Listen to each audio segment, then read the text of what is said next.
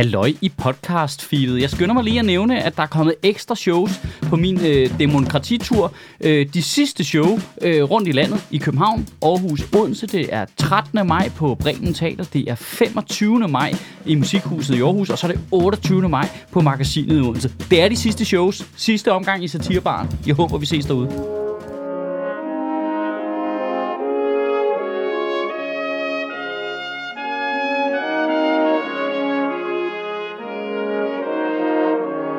Goddag. I Danmark og i høj grad i Europa, der køber vi stadigvæk rigtig meget olie og gas af Rusland. Altså, vi betaler stadigvæk i dag penge til dem, der angriber Ukraine. Og endnu værre faktisk, så har vi over mange, mange år betalt usandsynligt mange penge til Rusland.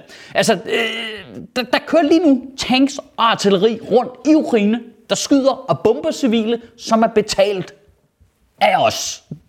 Det er, simpelthen, det er simpelthen så absurd en situation. Det er som om, vi har ingen konsekvensberegning overhovedet. Man har fået bare indtryk af, at vi vil bare købe fucking kover kanibaler, kannibaler, hvis det var til vores fordel. De henretter bare civile i gaderne, og vi er sådan lidt, hold kæft, noget lækkert olie, mand. Hvad skal det stå i, sådan noget der? Det er så mærkeligt. Det er som om, der er slet ikke nogen...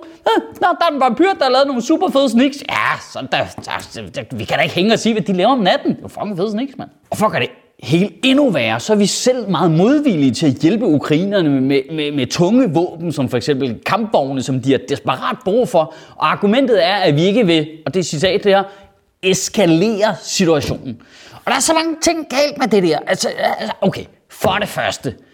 De fucking henretter civile i gaderne. Så mange, at der er en masse grav. Hvordan eskalerer du mere end det? Altså, det er sådan, det er sådan et sygt privilegeret udgangspunkt. Altså, det er sådan helt...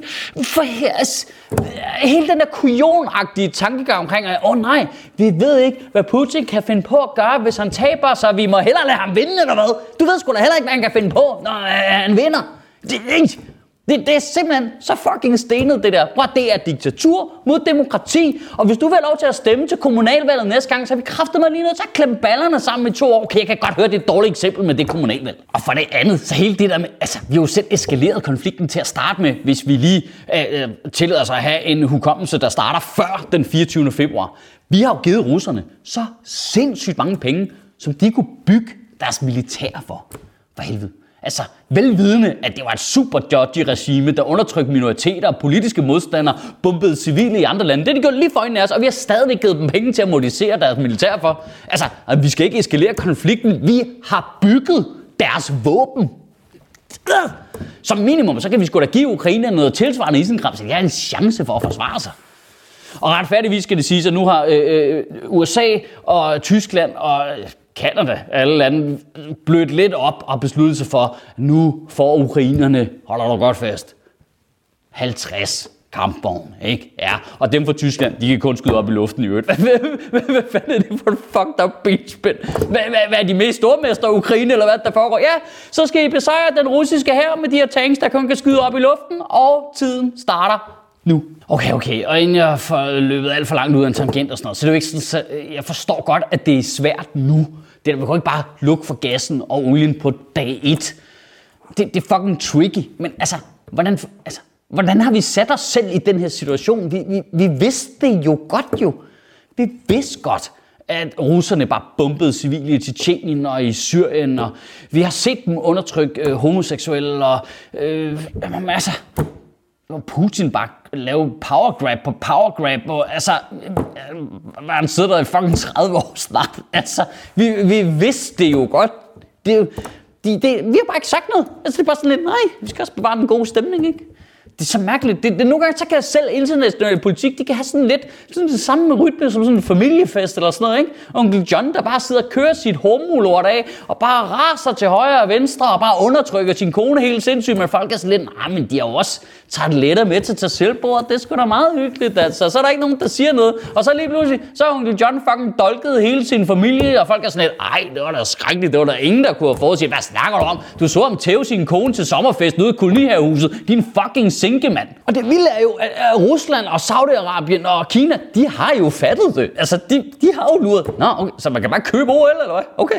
Så, så, jeg kan bare, så vi kan bare købe VM til til, til vores slavestat, eller hvad? Og så kommer Ronaldo og blåstemmer med diktatur, fordi ingen fra spillere til organisationens overhoved har nogen ryggrad overhovedet. Er det sådan, det virker? Okay, på beløbet. Hvad? Kan man købe en tysk kansler? Hvad koster sådan en? Nå, det var billigt. Kan vi få to så? Og det allermest mærkelige ved det er det her.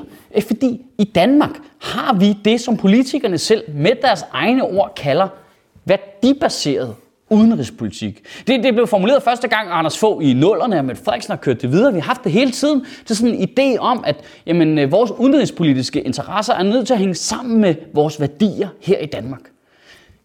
Men hvordan fanden vi over tid ikke har lavet en form for opgør med Saudi-Arabien og Kina og Rusland, det, jeg, jeg, jeg kan ikke forklare dig det.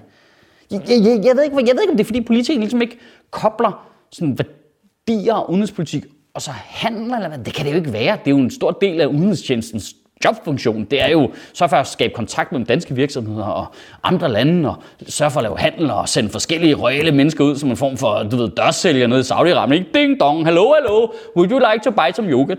Uh, oh no, we can wait till you are done suppressing your women. Then we can uh, sell you yogurt uh, back after. Nå, men jeg, jeg forstår bare ikke, hvad, hvad de baseret udenrigspolitik så?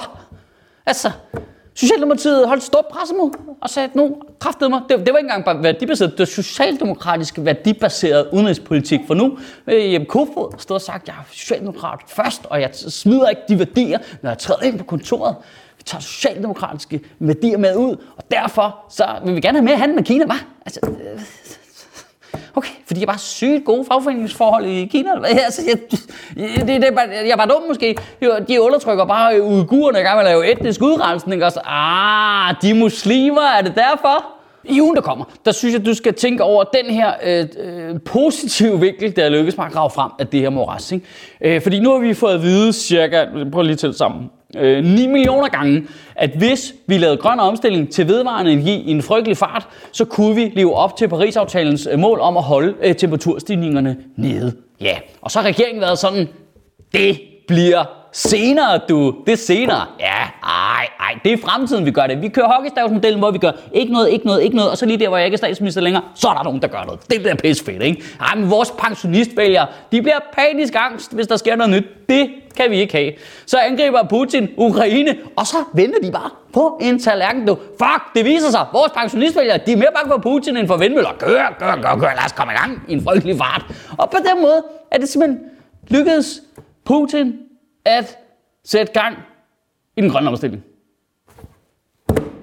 Hæft, det er stenet. Det er stenet måde, det hele det fungerer på. Nu er vi bare nødt til at sidde og vente på, at kineserne laver en form for virkelig ondskabsfuld ejendomsmælerforretning, som på en eller anden måde udnytter og tydeliggør den store ulighedsskabende effekt, der er i, at vi ikke beskatter gevinst af bolig, og så vente på, at Socialdemokratiet opdager det. Og så får vi løst det problem også. Det bliver fedt. Kan du have en rigtig god uge og bevare min bare røv. Nej, hallo, du skal da også huske at se mit øh, show Demokrati, hvis ikke du har set det nu. Der er tre shows tilbage i København, Aarhus og Odense. Du finder dine billetter på michaelschyt.dk.